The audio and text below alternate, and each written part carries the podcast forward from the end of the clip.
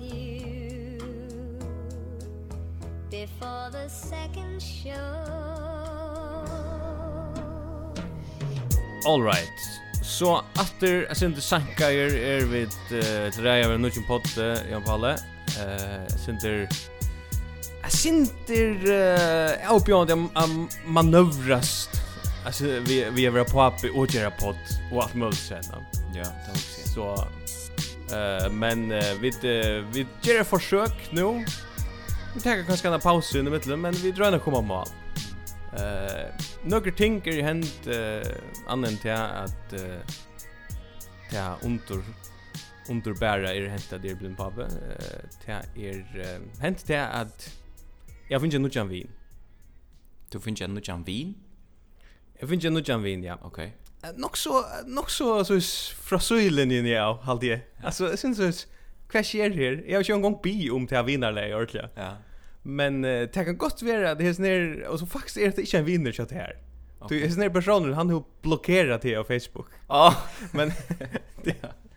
Alltså är och Jens är blunner vinner uppenbart. Du är den enaste personen i världen ja. som tar under vid uppskotten till Jens som Milla stor. Ja. alltså. Ja.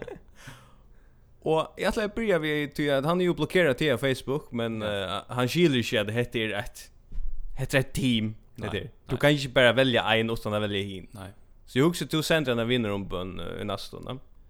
Det må röjna ja. Eh uh, han hever uh, han har faktiskt uh, han är faktiskt nog svipa mot Virsem. Men checka där alltså han han nämnde mig att Tingsens rör paddle. Jag också spela det klipp. Okej. Okay. Och jag har haft jag har tossa vi, vi vi mila frøyngar, ein var inne i, i brettan til dømos, til menn og unnskjør menn som hava, hava bøy hava lise, er unnskjør, hava våto på løyve, tar så ikke sjåle som pata. Nei, jeg forstand det slett ikke at man i stedet for at bretta på armar og retta ritsen for at arbeids begynner å grenja. Det skiljer jeg ikke. Yes. Alltså jag vill säga alltså, att det att det är rätt absurt att han håller till fram som ett döme på en person som har mot på liv alltså alltså jag så inte det på nu och du ser inte ut som en som har mot på liv. Du ser ut som en som helt öliga sträv du pressar ja ja alltså det är det vi så var några få timmar ja. om dagten ja. Alltså Men jag ser det han han um, han han listade upp alltså inte remsade upp. ja, ja. Alltså det är Mila Frinker som bäge Heve Lise ja. Som nek folk har gjort ja. Er onker ja. Som nummer 2 ja. Og nummer 3 Heve motor på løyve Altså hva heve til vi Mila stål at gjøre Det er bare tru sånne standardting ja. Man helst skal hava Jo, men jag vill råda till att playa tunna tunna tut nyfunna vinnarliga vi Jens Arena. Jag saknar han eh i munnen horisont. Han satt ja. till till han är blockerad med. Så mm. Eh ja, men lucka vi tog. Annars är det att säga. För att det inte ska vara som privater blogger om och live att eh Chaldry är ju akkurat kommit till förra det är uppenbart och kurs ting ja. vi är vi grekar som messe som jag jag vet inte vad det är för näka men nej eh till så kommer is ner is ner grekar han vet inte kvar för en grov teacher här nej alltså ta vet han inte nej ta vet han inte Men så ser man öliga däck att blö skriva och, och portalen skriva och folk skriva och sociala medier om om uh, lukka som bojen ut ur heime, ta i kjaldre kjemer, og altså, du kjent du merke bare hese her kolossale desperationen av føringon som bottnar i at okkurst bara ska henta. Du vet, det henter ikke mm. i okra landi, og hver for kjaldre kjemer så har vi en grund til å si at hese dævren var ørvise enn dævren og ikke Det er det det handler om. ja, og totalt, altså, jeg synes det er vi at, at man, tar man refererer til korona-sustår uh, når det blir, ja. Ja så så var det det var det var kraft ett mig inte en vanlig dato, Arno. Det var gregarsmäss. Det var gregarsmäss. Men alltså Men att det var en pura vanlig däver. Alltså det känns som att folk stod uh, ute på barrikaden och alltså Nej men det är ett några. Och det är visst det var det som så det öle löj. Jag tror inte som så spurnar till vi like luten chalter någon och is ner för någon. Du chalter är en opportune fågel som bara kommer och fer som han vill. Han skjuter av föringar. Nej, han skjuter av dator. Och jag syns det man häver alltså grägar som är rövnar som är meira tutningarleisar enn en flaggdagsrøva. Ja. Altså, her er det akkurat som man ser sort røver av torgen og vestmanna eller akkurat, og her er det fyra folk. Mm. Hva skulle det feira? Hva feira man ta? Hva feira man? Det er det ikke. Nei. Nei, men det hent, det hent nekva, altså det er nekva feira i fyrjun åpenbarst, sjálft om man bare heldur at alt uh, hver daver er en torsdaver i november. Så um, ett annat som var större tog inte för det var att norrna blev Leo och nu vart till omvälningar. Mhm. Mm och Og føringar er det einaste folkanslega i verden som har en, et, et, et emosjonelt forhold til en bilaferg. Altså det er en bilferga. Primæra virksomhet av Norge er at det er en bilferg. Det er fullt kjip, det er ikke det. Men du sørst ånge er at folk er oppe og gåse om at en bilførger kom natter til landet. Ja. Og sikler akkurat lika kjøtt eller sent som Arne. Ja.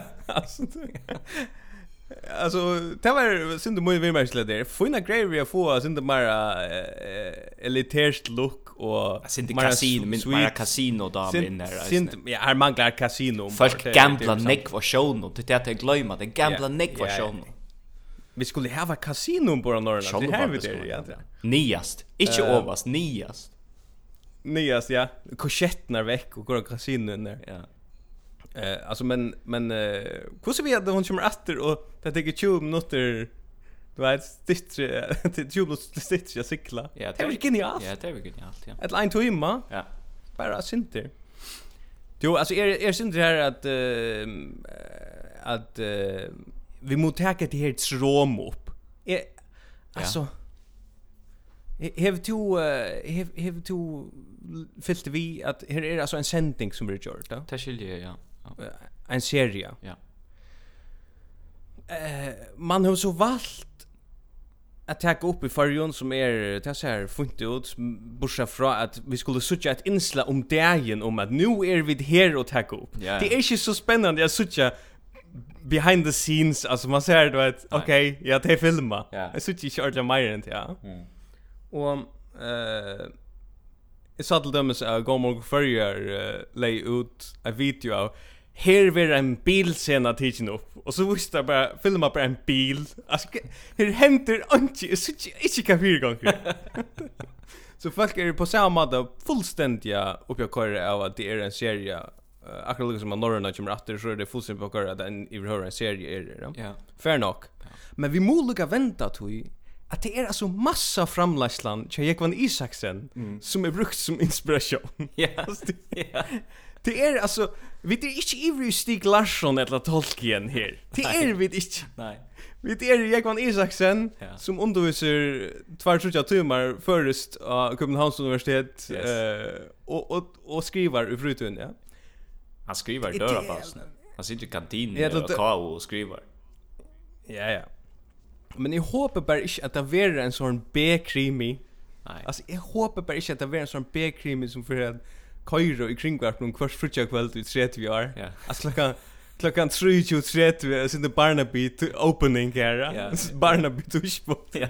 Men jag rockar vi är rockar vi till händer jeg råkner ikke vi at vi færre er ræka til monster-suksessene, men vi færre ræka en no stor suksess til at føringer kunne spille det her av i 30 år. Yeah. Og så, ah ja, jeg, jeg minnes det, det ble det vise innslå fra oss nere, det er viket, det tok jo opp her nere, her, her nere av, av borsa tenka, det var så rævlig hon alt var det. Og så før det sier, det var akkurat det muntet av norrna kom atter.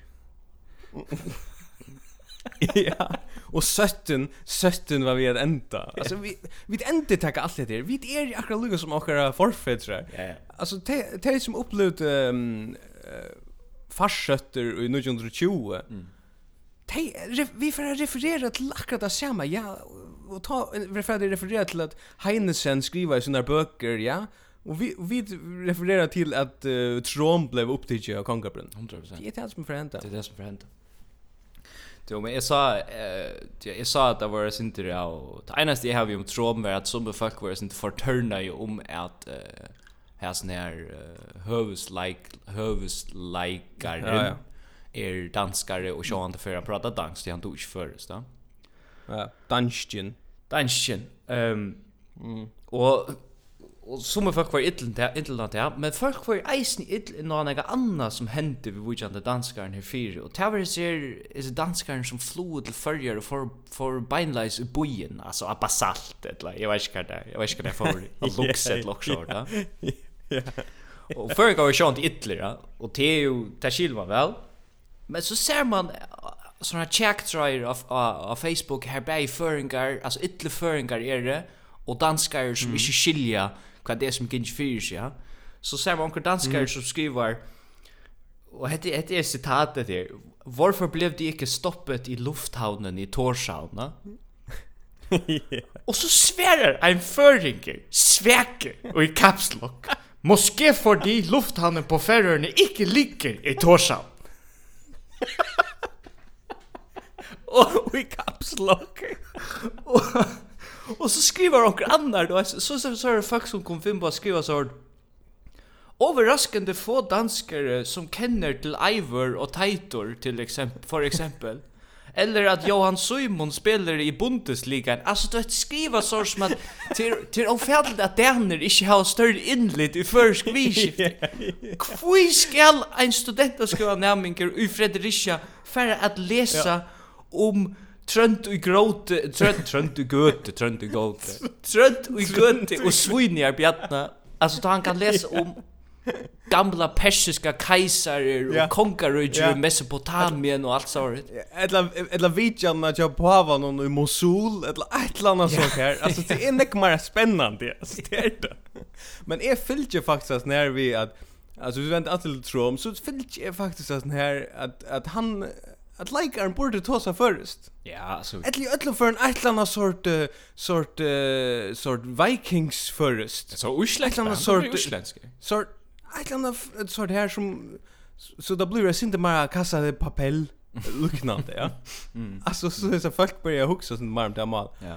Men men att det börjar att där vi är förringar tar är öle går till att uh, mobiliseras av sociala medier ta i akkurst era. Hvis yes. jonker kommer utanfra så är vi där. Till dem som vi grindar drabbe. Ja. Vi är alltid klar. Hvis jonker lägger en, en, en ut av Rayon häve så är vi där. Hey, do you know it's uh, sustainable and... och så skriver vi kommande efter och vi kommande utlänningar eh uh, är ett rojne bara trolla förringar och förringar bara. So uh,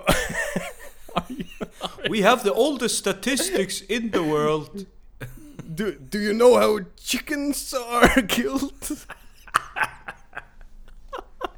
do, do you know uh, pig farms? Ja, allt det där. För några pura rabiat om där.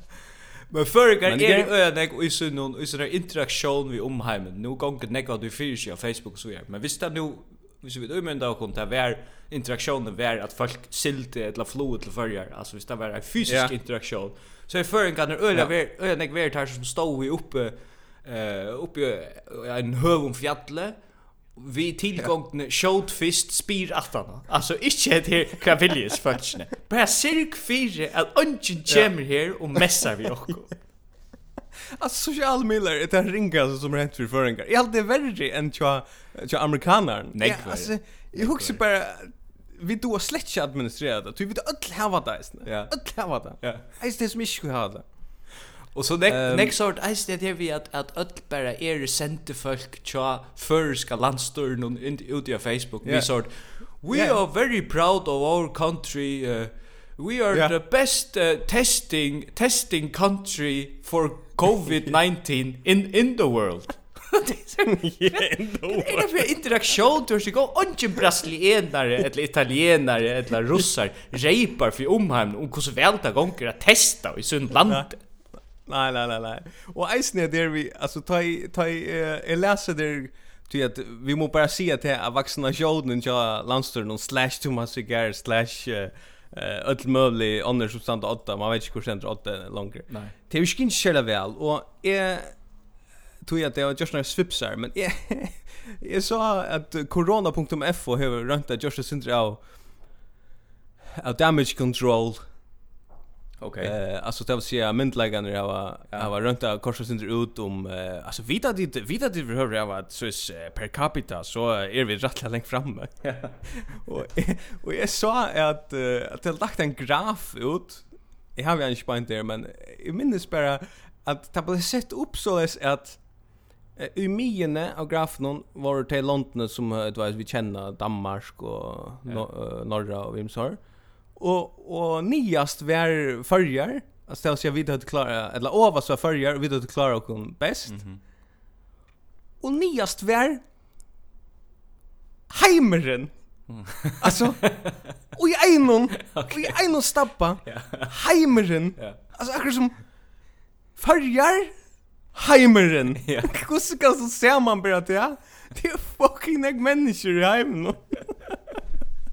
alltså Det er ikke ringt av kopsen av folk i forrige. Nei, nei, nei. Nei, nei, det er det ikke. Og vi kunne slett ikke bruka det parametret. Jeg har sagt det før, per capita det er færre. Vi kunne slett ikke bruka det langt. Det funkar ikke. Det var så. Men jeg, jeg har et, jeg har også et, et ting som vi, vi eisne er kjent for. Det er, det er vørene vi kjøper. Ja, det passer. Og vi, vi har nevnt det numerous times, og telljande ferier. Mm att uh, vi där var Cadbury och allt sådär liknande. Som en institution i förrjun. Uh, en handel som heter Rumpel. Ja, känner jag. Som, uh, som är som en nytt, en nytt handel alla uh, normal i Danmark och så, så, så, såna sådana billiga vöror. Okej. va Ja? Ja. Eller ska säga sådana billiga vöror. Han var skrivit ut av Facebook uh, en dag igen. Tog en mynd av oss. Rumpel. Og jeg får lese nesten alt av oss. Yes. Så kan du lukka til det sørste. Nå er det her store påsaner av Taifu, eller eisen kjent som Typo, T, mm. atter av gamsle. Faster lave bruser, 180 kroner. Ja. Yeah. Men nu får jag läsa det om att det vi tog som är väsentligt just nu. Okej. Okay. Nu är er det där stora påsarna av typ och 1100 stycks att dra kamsle. 1100? Alltså, 1100 kremek och 1100 typ typ och det. Men fuck, är det billigt? 138 kroner för 1100 tepåsar. Men alltså förringa kunde ha sig damp när det dampfär hook på runt la chepa in. Alltså det är bäst tid. Mm -hmm. Mätvärnar är tökar och i handeln om kvante. Ja. Jag kan väl prova också med alltså tepåsar det när man helst ska bruka flyer för en förringa. Nej. Nej, nej, vi ska ha nutjan tepåsar. Yeah. Det det det vi skulle göra. Ja. Kväsigt du brukar mm. tepåsar flyer för tejera man inte. Jo, det kan man gott. Alltså så du brukar en ena fär och så kör du han oj efter till koppen om kvällen. Så så så, så bojar du alltså han går för han inte helt brukt det ändå. Så brukar han nästan näst för. Ah det här är så Lars det har ju katta tryck vi på. Ja, det är också näst. Jo, men jag nu tar du först tar du först när jag med. Vi måste ta vi måste vi måste ja, vad säger du? Eh så huxar jag datt datt iver och kvar ivskrifter till alltid nej ivskrifter uppskrifter Oh, ja. Allt er godt å ta en oppskrift lukka som fyrir at minne okkon og kvært øyla nek føringar fåast vi i sin køtje. Og hver føringar mm -hmm. etterspyrja eisne i sina sosiale. Ja, vi hadde lukka en affär her, jeg sier vi teka i oppskrifter, men nu kommer vi teka. Ja, nu er det sin søvn, ja. Ja. Her er ein som har spurt inn i en av sine Facebook-bøkken om uh, uppskott till sån salater som man kan ha till såna barnaföringar där och så vidare. Ja. Okej. Okay. Och hon får näck bra. Och oh, ja. här är så skriver Jag husar jag ska bara läsa vad det är som är ojus ner och så att jag att fortälja dig vad det är vad det är i halti om allt detta virsum här. Ja, klar. Skinkesalat. Det är två packar av skinkestrymlon. Mm två blick av mandarinon, ett blick av majs, två porrer, två packar av surroma, en dunk oh. av majonnäs, skruer ja. och gult aromat. Gult aromat ska det vara. Kvärt annan aromat finns? Jag vet inte, men jag ger så en annan som skriver pilsesalat, det är två packar av pilsen, en packa av risblandning, ett blick av surroma och en dunk av Thousand Island dressing. Det bruk, man brukar ein dunk av 1100 dressing och på ett år. Man brukar inte på ett salat till ena varsle. Och man brukar 1100 typ och det ser på en dag. Alltså det är purast av vilt. Det är som det är det fabriker i kökene i färgen och Ja, ja, ja. Och vi måste eisen till att adressera till vi har föringar på hur omdefiniera konceptet salat. Alltså det är ju vanligtvis också och uh, ja. och, och det är vi kanske ja. liter och allt det där. Ja. Og här inte nog liv någon ju. Nej nej, jag nej, i behöver inte. Nei. Alltså det enaste som som, det enaste som har lit och och kanske en en färgel av en frusk fruksleika och isär. Det det som kommer ur som blicken då som inte har mist allan liten till fem eller sex år när det har vi gömt i en chattle. Og Och är det, jag visste ju men där en en goan sommar der i Italia, Ja eh har du fått ut och då sätter du an en kafé ut mot stranden och du får servera kanske en sån syntes så fruktsalat vi mozzarella och syndra olivenolja? Så öle simpelt. Ja.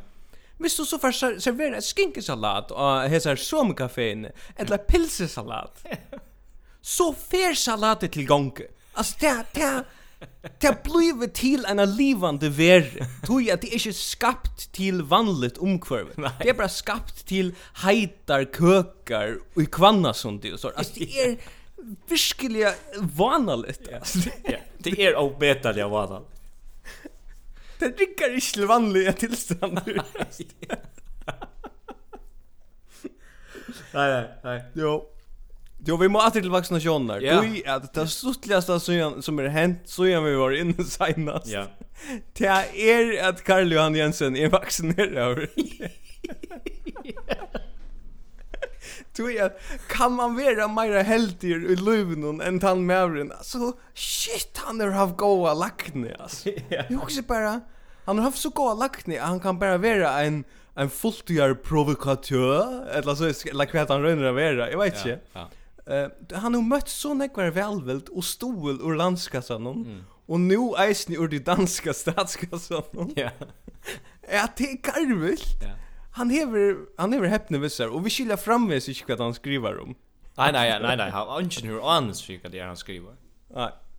Jeg var inne i bibliografin i John, alltså vad vad vad hever han nu väl kan ju ut. Okej, ja. Och jeg skimma skimmar det lugga men här Jag hade jag hade börjat så snuggla då nu nu jag fjärs. Mhm. Han hever givet en tutsi verske ut på 40 år. Okay. Alltså han hever alltså inte han är inte sälja produktiv där jämtla men look at det rättliga var sloppy om man också kunde pengar han ju stol i annars. Ja. Han han bara finns så sporadiskt. Du ger några ut på så pengar. Nej. Okej, du får bara inte mer. Så kanske du gör också slut. Ja, det är Men vad är det här? Mm. Ja, jag helt kanske inte får att läsa någon ju upp att hur man ger ut. Det är han är ju sån obskur någon. Sär. Ja, och ja, okej. Ja, det här kommer vi gott. Alltså, jag, jag, jag vet inte mer här på det, men det är, jo, det är setna parster. Okej. Alltså, ja. Det kan man gott skriva också om hvis man lyckas sitta hemma och skriva med setna parster. Ja. Eh, det var så nu jag nu gjorde Okej. Nu gjorde 5 5. Lycka, lycka paus här. Ja, 25 år. 15 år. Gott nog är är är onkel Ishingar i mitten där, men look heter det där stora versionen, ja. Så alltså han han fer fra 1994 Setna Parster. Ja. Till 1995 Room. Okej. Okay. Så så vi fer från Setna Parster till Room. Ja. Och så 2005 O. O ja. Och 2014 är så inte det bättre i Myskre. Det är gott, är gott.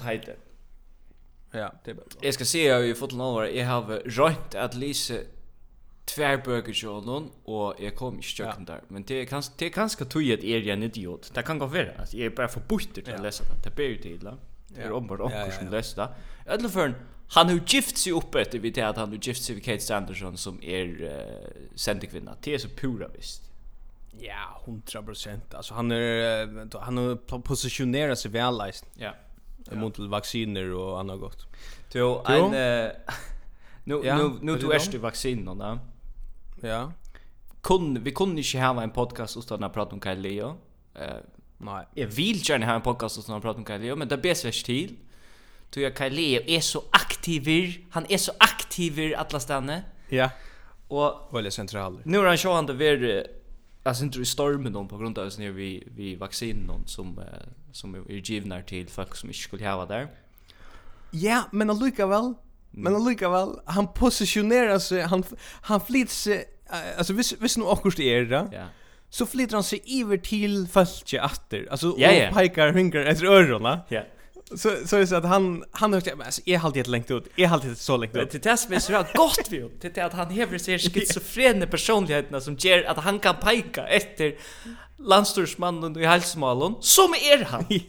Han kan sätta sig i studie och se är är ittler, är chatter. Alltså och kvar för han ska snacka om corona så säger han i have en mamma Och mhm. Mm och det är som det är som han är barn, barnagaren som ska fortälja hur hans familj ser ut. Hur ser två familjer? Jag har en mamma och journalister stäcker hon så säger han, "Jag har en pappa, jag har en omme, jag har sistna barn." Alltså han är så Journalister säger att du ska svära spurning om, om vaccinerna. Du kan inte bli via prata om mammorna, tjade. Nej, men att, er, att det är så... Att det är så um, fagbok eh samskifte utan att veta auto i hon alltså. Han han doda, han doda bara innan bajen. Han behöver inte läsa några böcker, han har några rådgiva till att nej, nej, nej. att uh, att få större på sitt uh, sitt samskifte här. Han, han brukar bara mamma när jag Fullständigt. Fullständigt. Rickard. Fullständigt. Jo, ehm um, corona har ju haft uh, syndra av uh, av avskan och fyrtökra. Ja. Ehm um, Det var ett inslag i det vike om en uh, om en bussfyrtöke. Okej. Som kort illa. Ja. Alltså fyrtöken kort illa nu angifera folk är det. Mm. Och så jag tog det till inslagen och det var rymliga drutt. Mm. Vi fick vita hur så väl utstyrd bussen var. Okej. jeg jag hade en fyrtöken hade två bussar eller hade jag. Ja. Och bussar är rymliga dyrare och så där stämningen var rätt styrkelig. Ja. Och den där damen som var alltså kvinnan som var stjorde i fällan någon HK bussar. Mm. Som hällde till i Sundalen. Ja. Oha, um, oha, komplicera, komplicera. Men Anna helt ärligt, alltså hon virkar nog så desperat och man, man ska aldrig inte man ska aldrig inte flänna efter en slukar vannlackne, ja. Men um, men då kör jag kost hitja vi inte rymliga knuskor i ett just ner. Här var vi som bruk för färre men fyrtök ni på sär. Här var vi bruk för henne. Jag också bara, kan och kallar bussig spärrt jag kan Men man ska inte spyrja djevt att meningen hava bussar alltså stationera er i Sundaland i överhuvud. Det är ska köra redan läkt för att möta folk som vill ju i någon buss. Jag också bara, till akkurat det. Och, och man snackar om att busssambandet är rätt vanligt mellan Klaxvik och Havn och busssambandet är rätt vanligt med Sundaland och Havn och så. Kan hända fyrtökan, jag vet inte nu, kanske är det wishful thinking, men kan hon kanske bara börja att köra folk i förrjon utan att det utlänningar bara förringar som manglar en buss från klax och clown. ja. Alltså pjösarna stationerar sig i Sundaland heller. Kan inte bara stanna i havn och säga ja, okej, vi tar er, er 20 klaxingar. Mm. Tar betala kontant. Mm. Kan inte bara köra runt till yeah. klaxingar. Ja. Alltså, och så rätt. Fin du vet, jag vet vi har haft jo, vi har haft framgång i landen och i rätt länge tror jag. Ja. Utan att räka muren. Och och ta ta blomma vinner som som vi ju vita vi inte har bruk för. Ja, ja. Ja. How vi bruk för fonflå. Alltså här how how to alltså fonflå säger att nu gång det illa så tajmen då. Men till det är färre skruv så jag kan gå beställa min färre sel i kan Atlantic Airways. Det kan ni gå. Ja. Och och här var en annan eisini vi i i der vik det hetta sort tema om fyra dagar som ikke gänga så väl. Mm. Och alltså man ska inte flänna efter det snär. Nej. Det ska man inte. Men uh, den ni fyrdögan Fishing with Blastein. Och i Västman. Kvad det där för jag. Det är alltså sån fisketurer i Västmanna. Ah, ja, okej, okay, okej. Det är en, en båt där, Fishing with Blastein. Ja. Han heter Magne Blastein. Okej. Okay. Här är navnet Fishing with Blastein. ja. ja att att att kan också det här. Ja ja ja ja, det kan. Men men uh, how are we broke for fishing with plastine? Nej nej nej, till spårningar, till spårningar.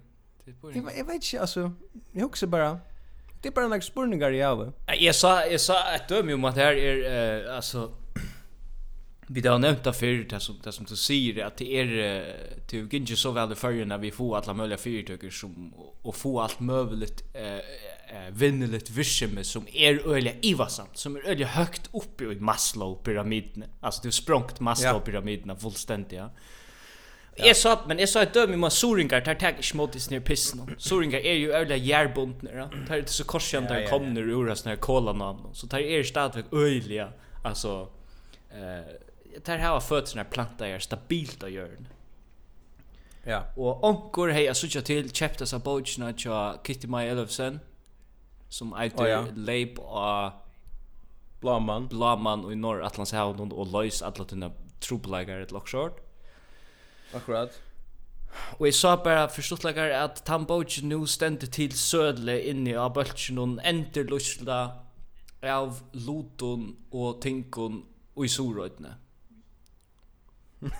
Så okay. onkur hev så onkur suringar, ein suringar hugsi hev kjepta sa av og hugsa, okay, altså, data kunnu røyna vita vad det är för dagar. ja. Blia Sindre Borgsen stäfest. Hette näga piss. Så är får jag sälja mig in i ös ner rodkassan för sorinka. Jag ska jag ska arbeta så vara logic om fem minuter. Jag Jag tar den första Facebook-bulten som jag finner och knallar det ut där. Ja. Loter till söle. Det är en god bulke. Jag vet inte, han hade ett loter, loter och ting kallt jag till söle och i soret. Ja.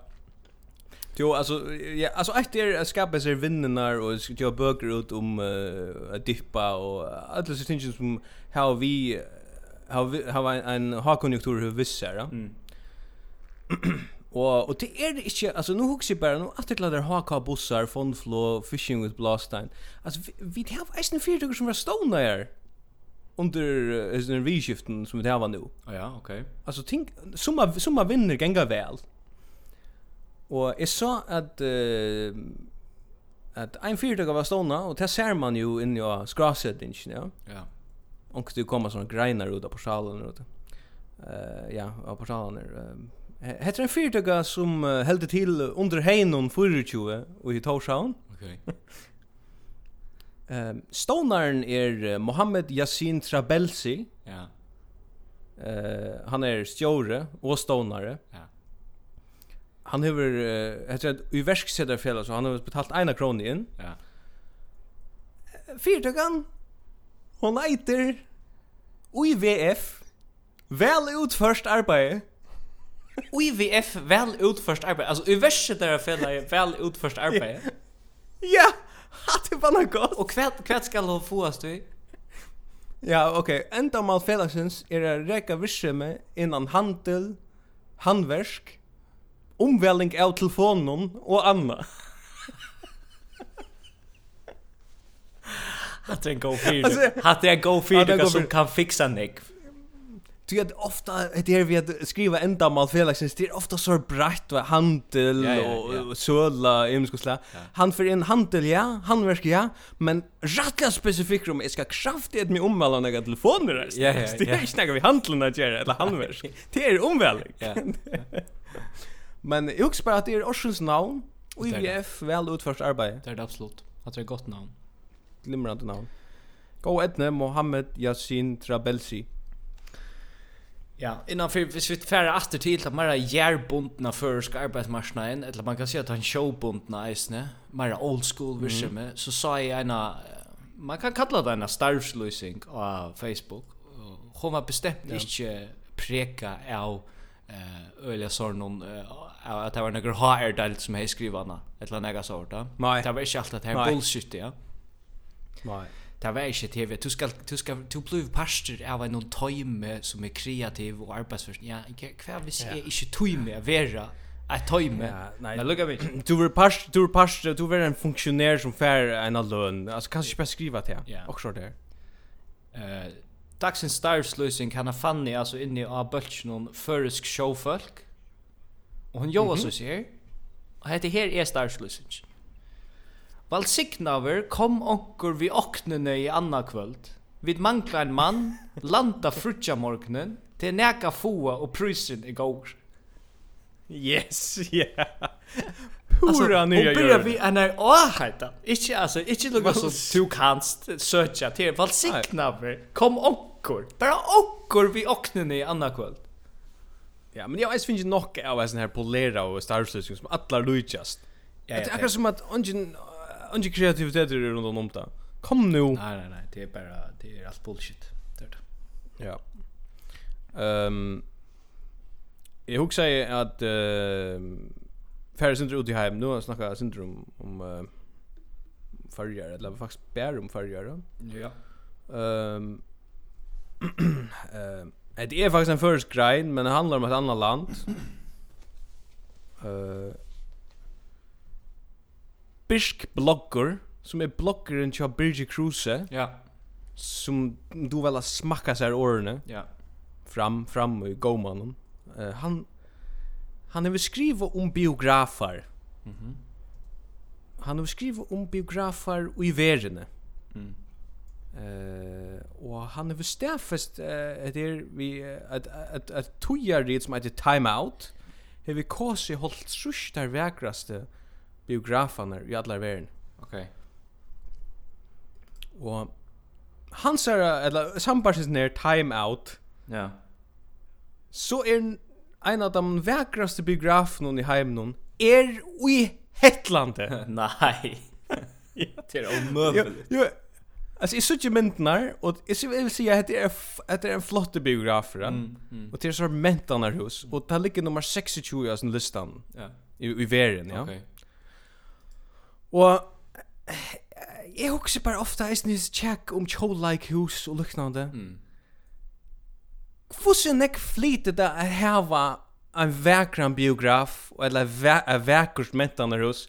Ta i alltså hur snägg då flott hetland eller här var sort hus. Alltså Det är ju flott näka som helst det här var nummer 26 av listan och över flottaste biografer i världen. Nej. Hetland är öliga deffert som ett som ett projekt. Ja. Ja. Alltså man kunde placera hörspena eller Akrosja Osbjörn Jakobsen där. Här är inte inte hänt. Nej nej nej. Det är just det är just till för att det är det. Men Men det är samma med Cholagos. jag vet inte vad det är shit alltså hvis vi var mer ett bästa Cholagos i världen. Hade faktiskt stadigt vilja... jag det fuck vill bo i Astronton. Jag vet inte. Oan säger hur så flott ett Cholagus hus eller hur så knäsande väl att köra i förska boskapen eller whatever vi har av tillbån. Ja. Lufasliga närendis stränder så vill ongen som prio 1 byggva stronton som är bostäderna sig stronton är nej tror det alltså tror det här är ju en grundstycke nu i löden ett lock så. Det det är öliga något sån heter fot till vara heter fot ja det är fot jo ehm Här har vært noen dokumentarer senast om uh, apropå biograf, så det blir en sunter biograf noen uh, dokumentarer om uh, Inkolva Reine. Ja. Jag har sett. Hur du ser, hur du ser Hikke du bare etter omkron om Picasso eller også du Argentina eller hva? Nei, nei, jeg hikker etter øyla bostun tenkon i mån til såret. Mar Maradona? Ja, Maradona synte, ja. Ja. Altså, nu må jeg bare si du du ikke ser det men du veit at synder om Ingolf Arena, ja. Du veit hva, hva for menneska han er veri i fyrrjon. Ja, jeg halde jeg veit nøglunna til som standardføringer veit om Ingolf Arena. Ja. Ölja stillan autoritet. Du borde vara hukt det snä. Okej. Alltså han svaima bara i jöknen tillvärna vi eleganse. Okay. Alltså han han är en sån han tycker hatten och för jag från halsar bankran uh, nya vaxlorna. Ah, ja. Alltså du vet kvarja för. Det vill säga alla tog. Ja, ja. Och han känner ödla. Ja. Han ligger i smörhålen här han täckes ödla malbulken. Okej. Okay. Alltså du vet han är ju han är ju bäge innanför samkommer. Okej. Alltså han innanför här och han du vet synd bohem eh touches on eisen bohem tillvärne tog han en lista med över. Ja. Och och och så är en vindelövs folk och så. Vad det är en typ av det här. Det är liksom den klassiska typen. Eh synd William Heinesen, va? Ja, ja, ja. Kvärt här var vi där arbetar vi ju där vi sån här typen I helt till dem så Carly eller Carly Johan Jensen var en sån typ men så viskar så knappt blir han bara fraud. alltså jag menar han hejar sin trenchcoat i sig. Yeah. Men så knappt så är han bara en fraud. Ja. En hycklare. Det går inte. Nej nej, det funkar inte. Det gör det inte. Men jag vill bara säga Ingvar och René alltså han eh, han imponerar. Han är öliga trenchcoat och stor på så shit alltså. Ja, jag jag shout men jag love his fridges room. Ehm very good. Men anbefalingar. Är bra. Annars är det att säga att um, stotter innskåden setninger her. Mhm. Vi -hmm. öppnar och sen står vi i Israel och i nej vad det i i fjör ena för i december. ja. Och här till er ett urslit kom i av hur samstarv någon. Det var ju det var ju Jens Arena som så gärna ville ha var sen ståvna och i Israel och jag söker till har jag bara säga ett utöjligt urslit av hur och det är att hata nutja bridgerie som eiter Oi. Ja. Som han är Peter Öl en den första ändra att han mer besatt besatt öl. Alltså han kan liksom inte fåast vid några andra som inte kör vi öl och Det Det borde vi också alarmklockor som ringde ta. Men lugga mig. Ja. Alltså du kan ju lukka som sia. Ja nej alltså är inte alkoholika. Är dam är dam bara väl fåast vid öl. Alltså men då öl är väl är väldigt nomt av öl. Ja. Ja ja. ja. Men och jag säger man är färdig ut att kalla det smashing. Du bellar ölnar ut i suchet där väl. Alltså det är inte någon smashing. Alltså Det är vi att få en påskabridge och smacka den. Jag tog dräcker tvär. Eller land trutja. Det är inte smashing. Ser man vis när alltså när vi Ray och Nösen och Vuckla för att göra matching Ola Larsen och kompan. Alltså det det är inte det är inte winsmatching. Nej nej. Det är Win.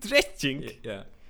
Det är ball. Det är, det är ball. Men uh, okej, okay, vi fär, vi, vi ett ett tredje land att vi färs färs se att att färs insinuera han under kan tro plaga. Det var det inte ja. Men i öll för ever han finche, vad där för du kan ju finche öltankar ur Israel.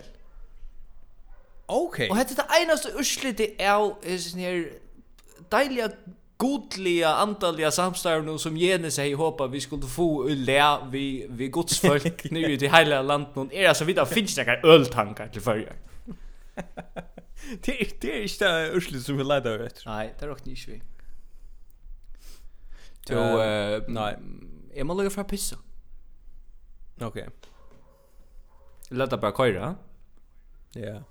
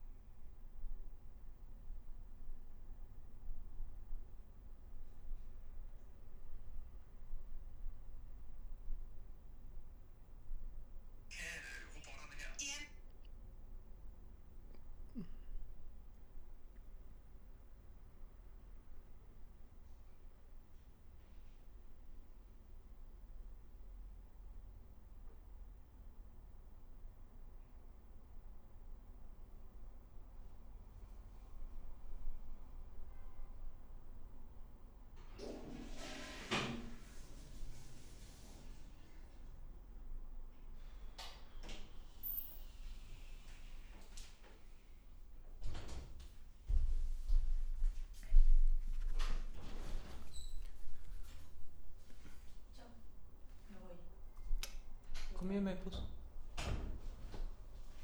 Jag måste ha två att gissa. No vemos. ¿Ya sabes allá, no? Eh, sí. Saco mis zapatos porque ya no está salida. Zapato? Zapatos. Du, Jeg, jeg lurt eh, faktisk etter, jeg lurt faktisk etter røven til Pavan i Mosul. Å oh, ja? Og jeg skilte alle årene som han sier. Alltså jeg vet inte varför malt av det, men det virker ju ölja eh som det första malet i världen. Alltså som som alle andra mal kommer fra. Var det var det spankst eller hur? Ja, vad viskar sen det latin slash spankst eh Alltså det spanska här joa mera italienskt än det spanska i Spanien. Det det joar örvus helt bara att uh, han är rävlig han är rävlig cool. Ja, han, alltså han han är kanon. Han han han var akkurat som Eisen så han han var inte bulletproof bil. Han körde ju en kvitt golf. Ja. Och vad? Ja, han är fighter. Ter. Utan utan armor. Ehm, hur den där går Alltså vi kom på runt av kött. Vi tar var fjärde noster nästan. Men he, men hur to hur något efter? Ja, men ja, men man kan alltid gömma det. Nej, nej, nej, nej, nej. Jo? nej, nej. Det kan man nej, vi kör det. Okej. Okay. Nej, men minus vi att vi det var att det här till vi nog så onödigt att klippa. Ja, ja, vi går då. Jag vi prövar om det. Ja. Men uh, men jag har uh, jag kan nog ta över från när Usche och ut och så. Ja. Gör det. Okej. Eh ja, alltså Wischel uh, samband är inte skapt några några godomligt i förrjun än, kan man säga, men uh, Naga godomligt är ju de hänt som öll vita efter hantene som lustas ner är är ju är ju i ekstase på nu om man vara pappa. Ja. Eh och det är det är alltså man är glaver och så är man öttafotler och så är man allt möjligt sen. Ja. Ehm men det ger eisen at man så sitter vi sunn badne. Vi sunn nyføynge. Mm. Åser. Ja. Og man huxar, hej det här är crazy heter. Så huxar man syndrom, hvuss er vi kommen her til, altså vi som menneske, ja? Ja. Tui, tui, uh, vi har ikke spesielt nekvar egenlegar, tar vi dvera født. Nei. Altså, altså vi, Vi det har bruk för rattliga näck mot stol och rattliga näck var. Ja, ja. Det är öliga fragilt det hela. Ja. Och och här är det huxe gott är god skapte vuxen människa. alltså Jag också bara, hvis han inte skapte Adam og Eva, ja. Hvis, hvis han skapte Lutla Adam, som bara, som bara lå her, och och stickar elefantar elefant elefantar giraffer och så tar väl alltså fötter vi är lika någon att stanna uppe och flytta sig. Ja, ja, ja. Tar vinna av människas leon nu för en gång. Yes. Alltså det gör det. 100%.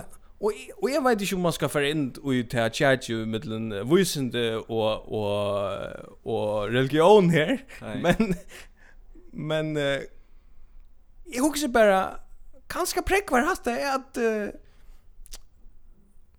att at, god hejrat. Yeah. Jag vet inte alltså yeah. eller att det passar du att Hvis vi tog seg at, at vi fødte, altså at at bad bare ble født, ångstene, vusendalia, mm. så er det ikke klart å se, en elefant er bare trampa, og så er det litt livet, altså. Du du har kanskje bare nå sjåsett det beste prekve i verden for at god eksisterer. Ja. Det var tök om tog med eisen till att till att Heini Skorn ju uppenbar stämplar ut ut ut ut ut häsar debatten och han pratar bara om utrottar. Alltså han är färdig med höllna hållse. Ja. Och har också bara skott en så en så luft um, fixerar eller kan man säga flyer dimensioneller personer som uh, som Heini Skorn. Ja. Jag finns ju öfeper alltså åtta feber och blir så som hallar för Öppna hallarna. Kvätt snackar du om? Kvätt snackar du om? alltså jag också jag också sälja sälja nu vi måste nutja vinnare vi Jens. Jag också bara allt det här är lagnan som visar sig. Ja? Allt är ja. förut bestämt av en en kon orre. Eh tui at er ju blivit vinner vi Jennes. Ja. Jag har funnit prick för att god hej alltså det är rätt det som ständer i bibeln. Ja. Tui han skapte vuxna människor och det är den enaste maten som människor är överleva. Till tui vi var vuxna från början ja. Och så tar det skapte synd bud så hade det vuxna folk att ta sig ta sig out. Plus det att är dock nu är sätter i Israel kött. Du är, du är. Ja. Ta ta ta John Rajani som också hette inte någon gå lön till men är inne till uh, bankasektorn eller något där. Så ska jag in här också. Ja. Ska in där. Jo, men um, men då är väl alltså teorierna att det visar att ja. uh, att uh, god allra helst är till och han sätter två vuxna folk att göra Ja. Ehm Vi får så jag Sjur Hammer sier det. Ja, nu får vi sådja, ja. Han ska spamma okkara, ja, okkara inbacka vi alt möbler. Men, ehm ja, ja. ta i tojene, låt oss säga ta i Eva och och Adam, Adam och Eva var sett att göra Det er jo leksjane, sambarst på bibeln. Eh man levde ikke lunches som man gör det. Det är eisen jeg som kan... Det längst. lengst... Jag skulle säga till igen, men det är inte lika längsian som, som Washington säger. Nej, nej, nej. Vi, vi nej, nej. Nej, nej. nej, det är så människosliga längsian. Det är inte så, ja, ja. alltså NASA längsian. Slett inte. Nej. Um, Och man levde ju slanche ta som man gör det och ta kan till så isen pastor av oss ner chatten som som vi kunde ta om människa generellt alltså hur slanche skulle vi leva det blir nog så det blir nog så drutt detta skyje jag när folk, följt ja Eh, og og men føringar er ikkje ordliga. I mån til ånder lukka som framkommen vestanland så er føringar sta vi leva stadig sinte smumma man dør ta man er 45 Alltså är sinte vi det är sinte här att vi giftas tar vi är i 21 vi ska få kom bøtten ekstremt tulliga og bytje hus ja. Yeah. og och långt som 30 år gammal så jeffs man vi att huxa om hur man ser ut till en joggingbuxor vische med och och du vet man ser inte har utan man får ut och allt det där. Och vi klarar slett inte att förhålla oss kritiskt till ett kallt bord, ta det är en varsla. Vi tar allt, alltså vi tar det och hvis vi får buffé i vikskift någon, vi skålar allt och jag akkurat som det var akkurat sista måltid. Föringren helter allt och att man ständer framför sina sista måltid tar man kommer från bo i Ja, ja. Och 1100 styck typ och det och 11 1100 styck kremeg, allt allt är bara där. Ja. Vi ska ha neckva du. Iron vi dotcha. Som tror ju kör gå. Ja. Paul vad gör lunch runt av allt för. Jag gett för att leva till du först. Du kan slappa av alltså. Du du apropå det här. Så man Lucas säger att det att att uh, jag läste nämligen att folk i havn äter resten rastan fisk.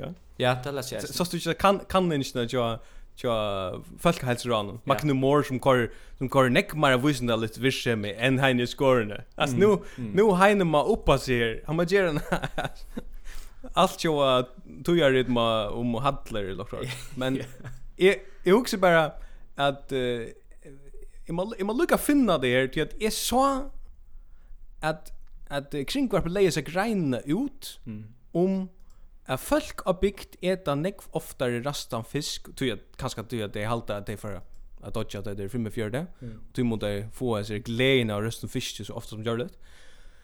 Uh, og så er folk i havn eta kjoldan rastan fisk, ja? så Så, så sa jeg bara, voldsomt nekva vimerskar. Her hundra seitjan vimerskar under dessa grein. og folk byrjar bara skriva personliga ekklaingar om um, hur tarra löv är det? Ja. Så stända så som uh, ett nästa sån hauna folk som vill välja sig själva för det ner. Okej. Alltså alltså alltså det är ju lätt att få färd i skriver en. Vi vet annars näck vi vet annars näck knetter från morstan som är bäst. Ja men det ställer gånger ut på. Nej. Så Och så skriver då så skriver så skriver föringar uh, allt det där vi um, um, ska så hjärtans gärna äta en rastan fisk flyr från mannen. Men inte till att få fett dra här i Köpenhamn nu för ju så är uppe. Okej. Och så och så kommer en danskare bara in mitt i just ner. så akkurat som du nämnde Janne vid danskaren. Yeah. så i mun til myndina som er en vemmelig mynd av røsten fiske vi omkring sånne, jeg vet ikke hva det er, gattna tolk eller sånne sunner, ja. Så stender det her. Uh, det ligner en facehooker fra aliens i gryten, skriver en dansker. At det lyder just omkring fra aliens-filmen om, okay, Alltså mynden av røsten fiske. Ja, ja.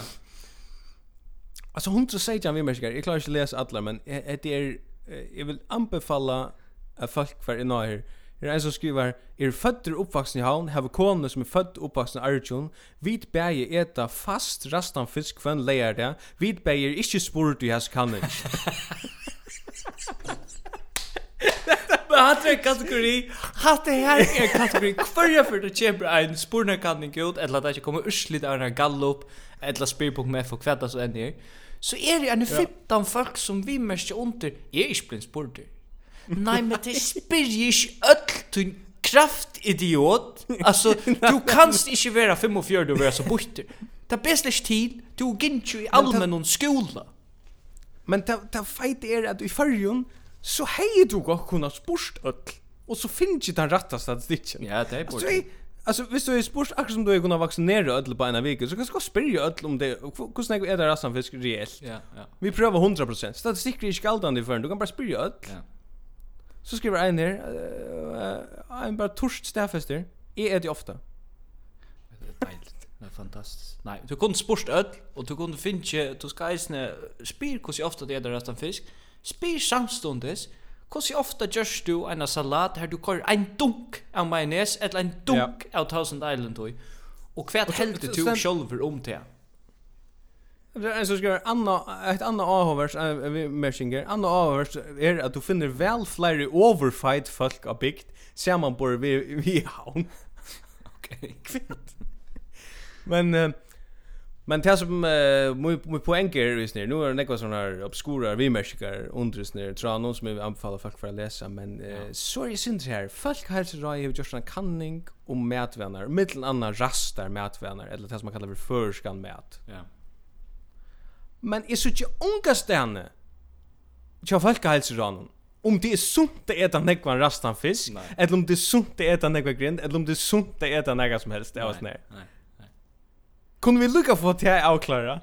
Altså, hvor hever rett og ikke? Nei, jeg vet ikke. Jeg råk vi at det stender okra snan nu i arbeidssetningen til Folkehelserannon er at de skulle ikke sette kritiske, kritiske spurnar til vi, vi uh, konsumsjonen av føreskom koste. Det råk vi. Det er okkurste. Nei och kost här är onkel sån klausuler och i och i arbetet och jag magnar nej magnar magnar ja det är det alls tycker magnamor som ger han kan inte flyta förjar över till alltså här hade här um, mozzarella salat mozzarella salat och och sån torch och längt var Ja. En little uh, little liten vimmershing. Vi får runt av köta. Ja, jag hooks vi runt av en liten vimersing ja. som er uh, lengt borste fra havnene. Uh, okkara goa blä norrløse. Ja. Jeg sa av tilvilt at ta i... Jeg halte til at jeg halte til at ta i etter struje vær om eller ikke etter struje hentan er skandalen vi vaksinen noen og jeg halte bestemt at marslendingen vær om så tog. Her var det noe sånn stor ting, stor tog altså det om det. Ja så sa jeg mest lise i det av Norrløs noen, samme det som at det sier tingene fyrir seg. Ja. Og her er fyra ting. Klaksviks bøtt, ikkje no-go til kring hver førja. Ankomkan, Carlton, alias, alias Jakob, Jakob B. av Klaksvik. Den tria, hitaskipanen tja Bethesda omløgt tan fjóra Sjuraberg færre nudjan tur. Vi lenta av mars. Ja. Og Klaksvik skinkar som alltså tar er upptäckning av Carlton och Jakob B är färden och Klaxvik hita betestar finns ju hita skipan och Sjuraberg är färden och chantur och att bötnen i Klaxviks skola inte släppa vinna orsens sanker eller vad fan det är Ja, och ja, nämligen. Det glömde jag notera mig. Steintor Rasmussen, han föll sig alltså för Beijing någon en annan affär. Och jag också, jag också säger att det, det mest intressanta är när är att vi hittar chipan. Jag scratch him där. Ja, ja, Bethesda Vision. Alltså vi vi skiljer vi skiljer fiskvinna att det är störst, men hittar chipan är det så störst. Är det inte olja olja för för vi skämmer i i Klaxvik? Det vill det helt. Ja, Men det ständer bara hita ship att nice Ja. Det ständer ju vad det är men Nej.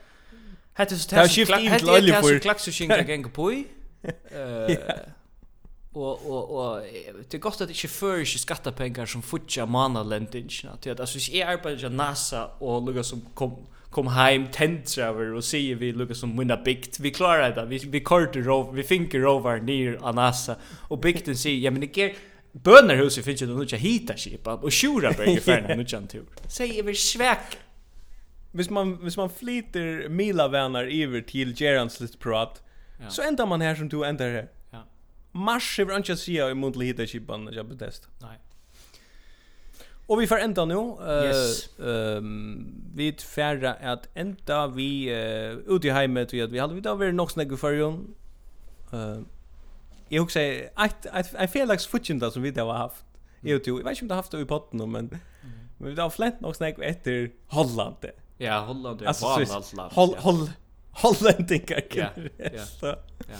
Och jag sa bara tillfälligt inslag jag eh eh i TV-visning alltid nere här här det stäffast att Holland kör öli intensiva corona tillbygging vet nu. Okej. Okay. Alltså de de har det här var öliga några restriktioner då. Mm. Släpps jag ut uh, mellan 11 och 4 och allt så. Mm. Och alltså Nederland, Nederland. Ja de hava bara ett gir och det är annektering och totalitärt styre. Alltså det det är där styler ett lunch. Det det det är ett lunch. Men det det är oklart. Det är ju det är oklart som är västerländskt moderna samhälle. Men det kör bor styl. Alltså det är bor. Bor så där i södra Afrika. Det är där styler. Men men det virkar det inte som att uh, västra är bara glömt det att holländare är bara totalt annekterande typer. Det är det totalt. Det är det. Innan nu är det pura svärt, vad det som Henrik Oldstaff. jo, Henrik Old säger att man så och vi man ska onka det har aldrig då en en holländare. Nej, men det är ju så alltså men det ligger ju under vatten det ger ju till att det är Benji för dig en kvant där. Till du lever dig akkurat som förr gargerat att det är böter en buffé som om det var den sista måltiden, den sista där i livet. Ja. Och där är alltså där är sen programmerare. Det är så jävla höjer. Alltså yeah. där är syns så där där syns som Ivan Drago i Rocky. Alltså det är som du är framlighter och en fabrik eller så. Jag jag kan fortälla det här här i Argentina och i Rockvia granna London är det detsamma. Så halta folk att folk ur Holland är nummer 1 och metalliga mestligt och ofattliga hö. Alltså det är ofärdligt hör i där men det är så crasher vi är. Alltså akkurat just holländare. Det är det är inte tyskar längre. Det är holländare. Det är också helt off vi holländare. Ja. Och för jag väntar åter till det där där vi det religiösa. Jag huxar bara. Alltså nu är det bara vi Adam över holländingar. Du alltså det klarar bara att att att göra sig några tillvärna kör öron. Ölla. Ölla effektivt. Det är allt jorden under så ölla kött. Nå, det visst. Eh så vi kunde roa öllum till att ja, inte inte ver holländare, visst du visst du inte var föringer, ver ver också annan. Så kanske för vi känner när biografen i Hetland. Ja. Vi är att ta vi får en liten skoa. Ja. Eh och vi kunde tagga till mest obskura tingen i uppåt som hända runt omkring. Så uh, vi har oss att Jan Palle. Eh, det gör vi. One of the arm marsh i livet. Yes. Yes. Att läge. Att läge.